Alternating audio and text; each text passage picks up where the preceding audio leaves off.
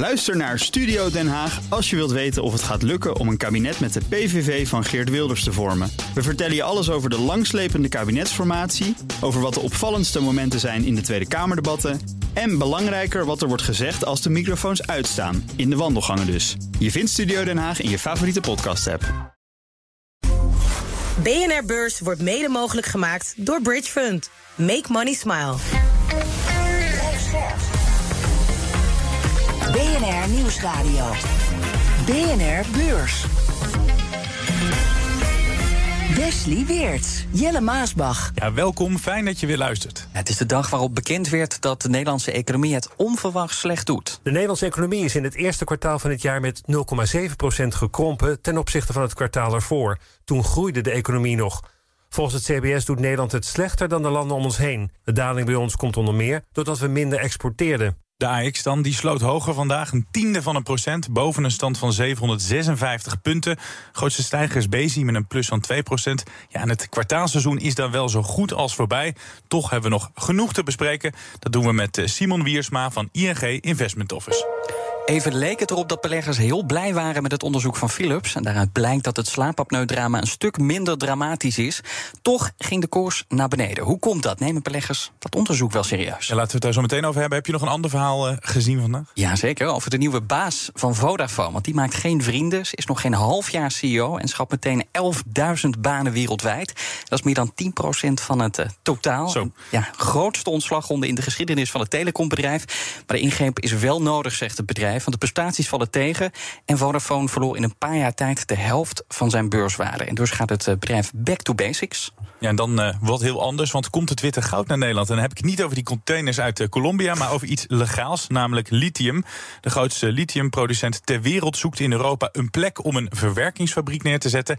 En je raadt het al. Wij staan op het lijstje van kanshebbers. Zeker, volgens Financiële Dagblad zijn we een serieuze kandidaat. En het gaat ook om serieus geld. Het gaat namelijk om een investering van 1 miljard euro. Dat is heel wat anders dan al die ja, juridische hoofdkantoren die hier uh, en masse worden geopend. Zegt dat wel? Het zou wel echt een hele mooie investering opleveren. Maar niet alleen leuk voor ons land, ook voor Europa. We hebben het er natuurlijk al eens eerder in BNR Beurs over gehad. Want Europa wil minder afhankelijk worden van landen als China. Lithium is natuurlijk dé grondstof voor die energietransitie. Want het wordt onder meer gebruikt in uh, oplaadbare batterijen. Dus het zou een mooie aanvulling zijn. Ja, ik zeg nog wel wat bijzonders. Want Apple deelt normaal gesproken bijna nooit cijfers. Maar nu wel, want Apple claimt alleen vorig jaar al ruim 20 miljard euro te hebben geïnvesteerd in Europa. Dat is een hoop geld en de uitgaven zijn in vijf jaar tijd met meer dan de helft toegenomen. Het is voor het eerst trouwens dat Apple dit soort cijfers deelt. En die investeringen die gaan volgens Apple naar duizenden Europese leveranciers, variërend van kleine familiebedrijven tot grote multinationals. En die ontwikkelen onder meer sensoren voor de Apple Watch en onderdelen voor je iPhone. En Apple noemt ook een aantal toeleveranciers bij naam, waaronder het Nederlandse DSM Engineering Materials. En bovendien uh, zegt het bedrijf ook nog: ja, het, er komt geen einde aan die goed nieuws show dat ze goed zijn voor 2,6 miljoen banen in Europa. In feite geeft Apple zichzelf dus gewoon even een schouderklopje. Elon Musk alarm. Ja, we hebben het er zo vaak over dat we dachten... laten we gewoon een speciaal geluidje voor in het leven roepen. Ben je al een beetje Elon Musk uh, moe? Simon? Nee joh, ik, ik, ik rij elke dag in die, in die fijne elektrische auto van hem. En, uh, nee. dat zal jouw tijd wel duren. Gelukkig maar, anders had je dit voor niks gemaakt, deze Zeker. jingle. Ja, uh, Elon Musk die maakt zijn werkdag nog drukker, daar gaan we het over hebben. Hij bemoeit, hij bemoeit zich al met zijn aankoop Twitter, stuurt af en toe raketten de lucht in met SpaceX. En hij is natuurlijk, we zouden het bijna vergeten, CEO van Tesla. Hij geeft uh, leiding aan een bedrijf dat honderden miljarden waard is. Maar hij gaat nog wat anders doen. Weer een bedrijf? Nee, binnen Tesla zelf. Hij heeft een e-mail gestuurd naar alle Tesla-collega's... en gezegd dat hij zich voortaan bemoeit met iedereen die wordt aangenomen. Alle vice-presidents van Tesla moeten een wekelijks een lijstje sturen met kandidaten. Elon die keurt voortaan elke nieuwe collega goed. Ik dacht altijd dat HR daarover ging, maar uh, kennelijk is hij een micromanager geworden. En nog ander nieuws, en ik ben benieuwd hoe jij daarnaar kijkt, Simon. Tijdens de aandeelhoudersvergadering moet Musk ook vragen gaan beantwoorden over zijn opvolging. Want een deel van de achterban die wil een, een onderzoek, die wil weten hoe afhankelijk het bedrijf is van Musk en of ze al bezig zijn met de opvolging. Hoe kijk jaar daarna? Nou ja, het feit alleen al dat mensen vragen uh, hoe dat dan gaat, uh, zegt al genoeg, denk ik. Hè, dat, uh, dat heel veel beleggers toch belangrijk vinden dat Musk daar aan het aan roer blijft staan. En dat hij ook goed heeft nagedacht over wie dan de opvolger gaat worden. Want dat wordt wel een dingetje, denk ik. Hè. Tesla drijft toch voor een groot deel op Musk en zijn ideeën. Ja. En het feit dat hij nu zijn goedkeuring gaat geven aan iedereen die wordt aangenomen. Ja, dat zegt al hoe belangrijk hij zichzelf in ieder geval vindt voor het bedrijf. Ja, zichzelf. Dus misschien is hij wel te belangrijk. Zou je kunnen vinden. We, um, aan de andere kant, op het moment dat hij natuurlijk naar Twitter ging, in ieder geval daar eventjes uh, tijdelijk het roeren overnam, um, zag je wel dat beleggers dat niet helemaal uh, positief ervaren. Dus uh, ja, hij is belangrijk voor, voor Tesla. We krijgen weer een kijkje in de ziel van de bekendste belegger ter wereld, Warren Buffett. We weten nu welke aandelen die heeft gekocht, maar ook verkocht. En je hoort zo wat je daarvan kan leren. De slaapapneuapparaten van Philips veroorzaken waarschijnlijk geen kanker of andere schade bij patiënten. Er waren zorgen over afbrokkelend schuim, maar de gezondheidsrisico's daarvan zijn verwaarloosbaar. Dat zegt Philips zelf na eigen onderzoek. Wij hebben de volledige, het volledige testprogramma afgerond voor de slaapapneuapparaten. Dat is 95% van alle apparaten die onder de terugroepactie uh, uh, zijn gevallen.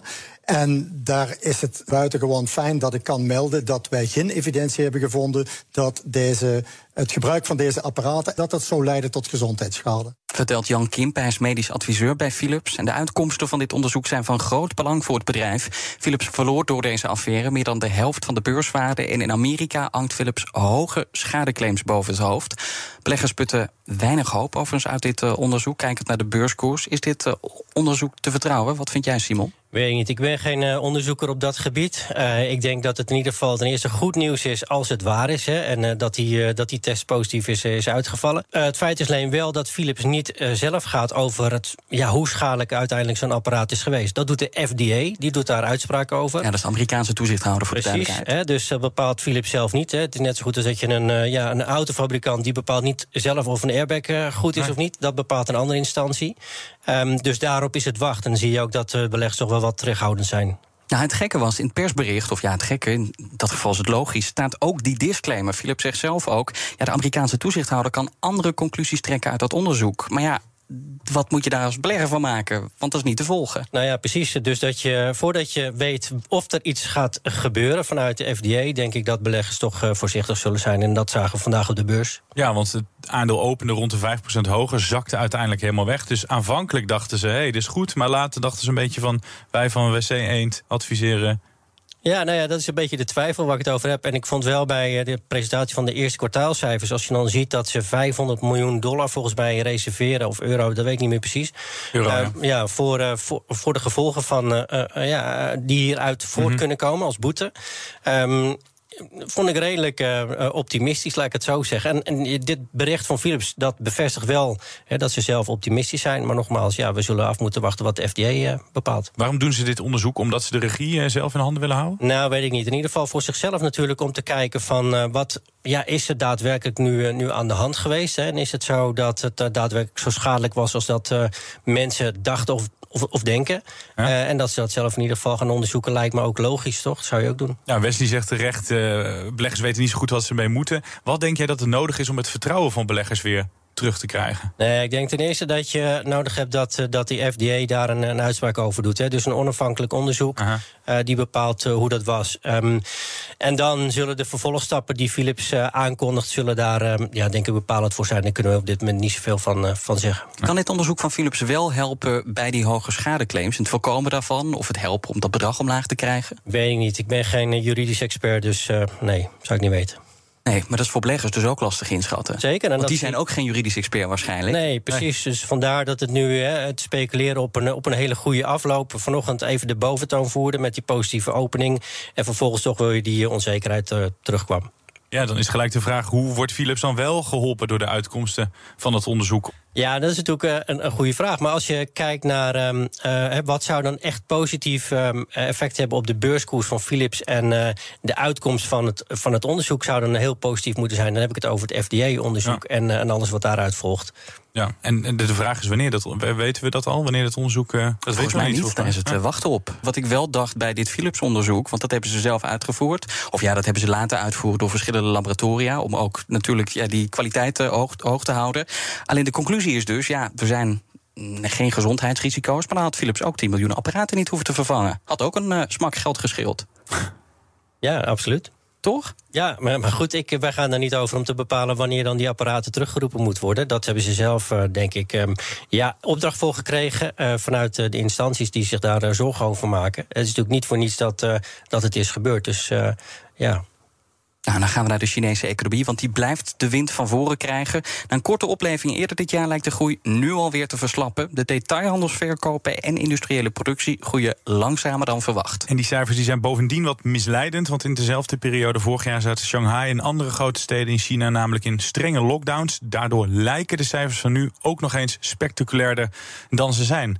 Ja, en Simon, waarom valt die groei zo tegen daar uh, bij de Chinezen? Nou, wat je in China ziet, zien we eigenlijk in de rest van de wereld ook. Hè? Een hele grote, um, groot verschil tussen de dienstensector en de productiesector. En het is met name de productiesector die het heel erg moeilijk heeft. Hè? Dat zie je ook terug in die, in die exportcijfers, in de industriële productiecijfers. Dat komt omdat we in de wereld als consumenten uh, tijdens de coronapandemie eigenlijk alleen maar spullen konden kopen, vaak online, uh, maar geen diensten konden gebruiken. We konden niet op vakantie, we konden niet uh, nou ja, reisjes boeken, uit eten gaan, noem maar op, naar festivals. En nu zie je dat dat wel gebeurt. En dat geeft ook een heel duidelijk verschil in de ontwikkeling in de economie tussen die dienstensector en de productiesector. We kopen minder spullen. Minder vraag naar goederen, ook minder vraag naar goederen uit China. Um, en dat uh, tekent ook, denk ik, toch een verzwakking in China. Maar in China zelf speelt datzelfde ook. Hè. Daar zie je dat de Chinezen nou, nog langer eigenlijk in die lockdown hebben gezeten dan in, in de rest van de wereld. Die konden ook niet uh, veel uh, anders doen dan spulletjes online bestellen. Maar die gaan er nu ook op, op uit. Ja, dan zag ik wel wat zorgen over China. Wordt toch wel altijd aangeduid als de fabriek van de wereld. Wat betekent dit voor ons dat het daar even wat minder loopt? Nou, ja, wat je duidelijk ziet is dat wij blijkbaar ook in de rest van de wereld minder vraag hebben naar goederen en ons geld dus op een andere manier uitgeven, meer aan diensten. Uh, tegelijkertijd betekent het dat als die groei daar inderdaad afzwakt, hè, wat nu die signalen zijn, is dat de Chinese overheid, en daarmee bedoel ik de regering, met stimuleringsmaatregelen zal komen, zeer waarschijnlijk gesteund door de uh, Chinese centrale bank. En dat kunnen ze ook doen omdat de inflatie in China bijzonder laag is, 0,1 procent, en de producentenprijsinflatie is al maanden negatief. Hè. Dus ze hebben ook de ruimte om dat te doen. Dus enerzijds zegt dat iets over de, ja, eigenlijk de groei, met name de productiekant, niet alleen in China, maar ook in de rest van de wereld. Tegelijkertijd biedt het ook wel weer perspectief. En eigenlijk ja, zie je dan ook de verwachting terugkomen dat China meer zal gaan stimuleren. We zijn een beetje somber over die uh, economie van China. Maar tegelijkertijd zag ik vandaag ook het bericht dat de vraag naar olie dit jaar sterker dan verwacht uh, toeneemt. En dat komt juist door het herstel van China. Dat verwacht het Internationaal Energieagentschap. Maar hoe rijm ik dat met deze tegenvallende cijfers? Nou ja, dat zie je denk ik terug um, in een, een, exportcijfer die uh, vorige maand nog wel prima was. Hè. Dus het is ook een beetje een, ja, van welk moment kies je daaruit? Hè? Uh, dit is een tegenvallend maandcijfer. Als je kijkt naar de, het Energie uh, Agency, die maakt schattingen voor het hele jaar. Hè. Dus je gaat er ook vanuit dat uiteindelijk die Chinese groei wel weer zal gaan aantrekken. Ja. Uh, en dat komt natuurlijk door ook verwachte stimuleringsmaatregelen die aangekondigd nog zullen moeten gaan worden. Ja, ook Europese bedrijven hebben de hoop gevestigd op China. Uh, maar ja, wat als de vraag daar tegenvalt, gaan we dat dan ook terugzien in de bedrijfscijfers de komende kwartalen nou ja, hier in als, Europa? Ja, als, je, als China verder verzwakt, hè, dus um, eigenlijk daar waar ja, die verzwakking plaats zal vinden op het moment dat die stimuleringsmaatregelen uitblijven, ja. dan zullen wij er ook te maken mee gaan krijgen. Met name landen die uh, gericht zijn op de export naar China. Hè, denk aan uh, Europese autobedrijven, deels, maar ook andere sectoren kun je bedenken. Uh, die zullen het lastiger krijgen. En er zitten heel wat AX-bedrijven tussen in ieder geval. Zeker, dus uh, het is niet zo dat we China uit moeten vlakken wat daar gebeurt. Het is de ene grootste economie van de wereld. En uh, ja, daar hebben we met z'n allen mee te maken. BNR Beurs. Dan naar die andere hele grote economie, naar Amerika. We gaan een kijkje nemen Wall Street. De Dow Jones staat in de min 0,6% lager. De S&P 500 verliest 2 tiende van een procent. De Nasdaq doet het juist tegenovergesteld. Staat 0,2% in de plus. Ik wil het aandeel Home Depot even noemen. Want de Amerikaanse doe-het-zelf-keten komt met een winstwaarschuwing... nadat ook het afgelopen kwartaal tegenviel. Klanten stellen grote verbouwingen uit en kopen geen dure producten. En dan moet je bijvoorbeeld denken aan tuinsets en barbecues. Simon, we hebben het wel eens over Walmart. Hè. Dat is een goede indicator voor de Amerikaanse economie. Maar wat zeggen de cijfers van Home Depot ons? Nou, eigenlijk een beetje hetzelfde. Wat je bij Home Depot ziet, hè, nou, ik vergelijk dat een beetje met de gamma van, uh, van Amerika, is dat uh, de cijfers in, in, in Nederland spraken dat, uh, de, spraken dat ook uit. Hè. Als je kijkt naar de lagere verkopen van, van barbecues, van tuinhuisjes. En dan kom ik weer een beetje terug op het verhaal wat ik net al zei. Hè. In de coronapandemie um, konden we niets anders dan onze tuin opknappen en spulletjes bestellen. bij de, nou ja, de tuincentra. Bij de gamma. Daar konden we dan nog wel terecht, bij de gamma. Um, en dat is nu uh, heel anders. Um, daar speelt mee dat ook het slechte weer in Amerika, vooral in uh, de eerste maanden van het jaar, uh, mensen toch wat terughoudend zijn geweest met klussen aan, aan hun huis. Maar je zag bij, bij Home Depot ook dat de daling van de houtprijs, hè, dat was een van de redenen achter um, de omzetwaarschuwing die ze gaven. De houtprijs is enorm in elkaar ge, ja, gekukeld. Um, en dat speelt ook parten. Nog even heel kort een hele bijzondere ingreep van de Amerikaanse toezichthouder, FTC. Dat wil namelijk de verkoop van Horizon Therapeutics, lekkere naam, blokkeren. De vrees is namelijk dat er minder nieuwe geneesmiddelen worden ontwikkeld als die overname door zou gaan. En daarom spant de toezichthouder een rechtszaak aan. Het is voor het eerst in ruim tien jaar dat de FTC een overname in de farmaceutische sector wil tegenhouden. Het aandeel van Horizon, laat ik het zomaar afkorten voor mijn eigen gewin, staat 15% in de min. BNR Beurs.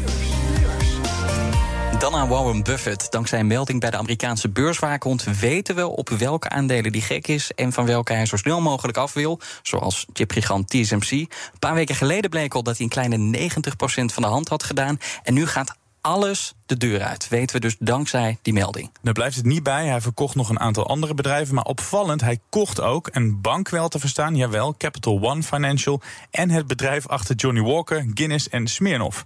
En dan gelijk de vraag: zie je Warren Buffett eerder aan de Smirnoff of aan de Johnny Walker? Goh, moeilijk. Hè? Ik uh, gok Johnny Walker. maar even zonder gekheid, eh, om met dat drankbedrijf te beginnen. Het heet uh, Diageo. Uh, wat moet hij daar in godesnaam mee? Ja, het is een uh, producent van, uh, van dranken, alcoholische dranken. Waar um, ja, bedrijven die um, uh, toch lastig hebben gehad in de tijd dat grondstoffen heel duur waren, zoals graan, hè, waar je neven van kunt stoken bijvoorbeeld. Ja. Blijkbaar ziet hij nu op het moment dat die grondstoffenprijzen weer naar beneden gaan, daar toch wel kansen. En uh, ja, het is een sector waar over het algemeen best behoorlijke winstmarges uh, kunnen worden behaald. Ja. Aan de andere kant zie je wel dat de waarderingen, hè, zoals bijvoorbeeld in Europa bij eh, Pernod Ricard, dat die heel erg hoog zijn. Dus ja, zijn gedachten erachter zou ik kunnen verklaren met: oké, okay, het is een tijdje achtergebleven, zeker ten opzichte van zijn concurrenten. De grondstoffenprijzen dalen wat. Ik denk dat die winstmarges misschien wel wat kunnen aantrekken. Dat zou ja. ik als Warren Buffett gedacht hebben. Nou, dat is ook grappig, want het is een sector waar we het niet vaak over hebben. Waar we het wel vaak over hebben is de bankensector. Hij koopt een bank, Capital One Financial, terwijl hij ook weer afstand doet van een andere bank. Hij koopt voor bijna een miljard aan aandelen. Wat vind je van die timing? Ja, ik hij is wel, wel aardig. Uh, aan de andere kant ook wel uh, heel interessant, denk ik. Dus als je kijkt naar Capital One, is een van de banken die vooral creditcards uitgeeft. Ja. En op creditcards kun je wel bedenken, daar worden best wel hoge marges opgehaald. Um, die rentemarge die ze rekenen aan klanten, die steekt dan weer positief af, af bij de fundingmarge. Dus de rente die die bank moet betalen om geld binnen te krijgen. Het zegt dus ook iets over de gedachten van Buffett over de Amerikaanse consument. Want op het moment dat je een creditcardbank koopt, dan ga je ervan uit dat niet heel veel mensen uh, binnenkort niet meer aan hun verplichtingen kunnen voldoen. Dus hij heeft wel vertrouwen in de Amerikaanse consument, in de Amerikaanse economie en durft ook zo'n bank te kopen. Dus dat vind ik wel, uh, wel, wel opvallend. Ja, drank en dus een bank. Maar zie je een rode draad in zijn uh, aankopen? Nou, vind ik wel een beetje lastig. Want je had het net over TSMC. Is toch een bedrijf waar wij echt wel positief over zijn. De grootste chipmaker in, uh, ja. in de wereld, in Taiwan. Die die nog niet zo, ja, niet zo lang geleden toch in zijn portefeuille heeft uh, opgenomen. En nu alweer afscheid van neemt. En ja, dat vind ik dan toch wel weer lastig te rijmen met zijn eigen filosofie. Ja, want zijn eigen filosofie is vaak die lange termijnvisie. Maar Precies. dat strookt daar niet echt mee. Nee, dus uh, ja, wat hebben we geleerd? Is dat je Buffett niet altijd kunt vertrouwen op zijn eigen gouden regels. Um, ja, en dat vind ik dan ook wel weer interessant. Deze aandelen die krijgen gelijk een soort van Buffett-kenmerk. Denk je dat eh, beleggers eh, hierop gaan handelen? Dat ze denken, nou, als die oude meester in die, in die drank en die bankaandelen zit? Ja, je ziet vaak in ieder geval wel op korte termijn dat dat een effect heeft. Volgens mij was hij gisteravond na beurs Capital One al wat, wat hoger. Ik weet niet wat hij op dit moment doet. Ik heb net niet gekeken. Maar je, zijn toch wel, ja, je ziet toch wel mensen meeliften op zijn, zijn aankopen. Of dat heel verstandig is, waag ik te betwijfelen. Als je kijkt naar de afgelopen tien jaar, doet hij het niet of nauwelijks beter dan de SP 500-index.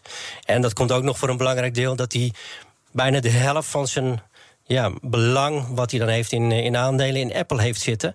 Uh, Ja. Als hij die niet had gehad, dan uh, ja, was het toch een teleurstellend tien jaar geweest, denk ik. Voor. Capital One zit zo'n 2,5% in de plus. Dus Oh, uh, nou. op zich nog wel blij met, uh, Ja. met die aankoop. Hey Simon, Buffett. jij zat net al een beetje in het hoofd van eh, Buffett. Nou heeft hij nog voor 130 miljard dollar aan cash liggen.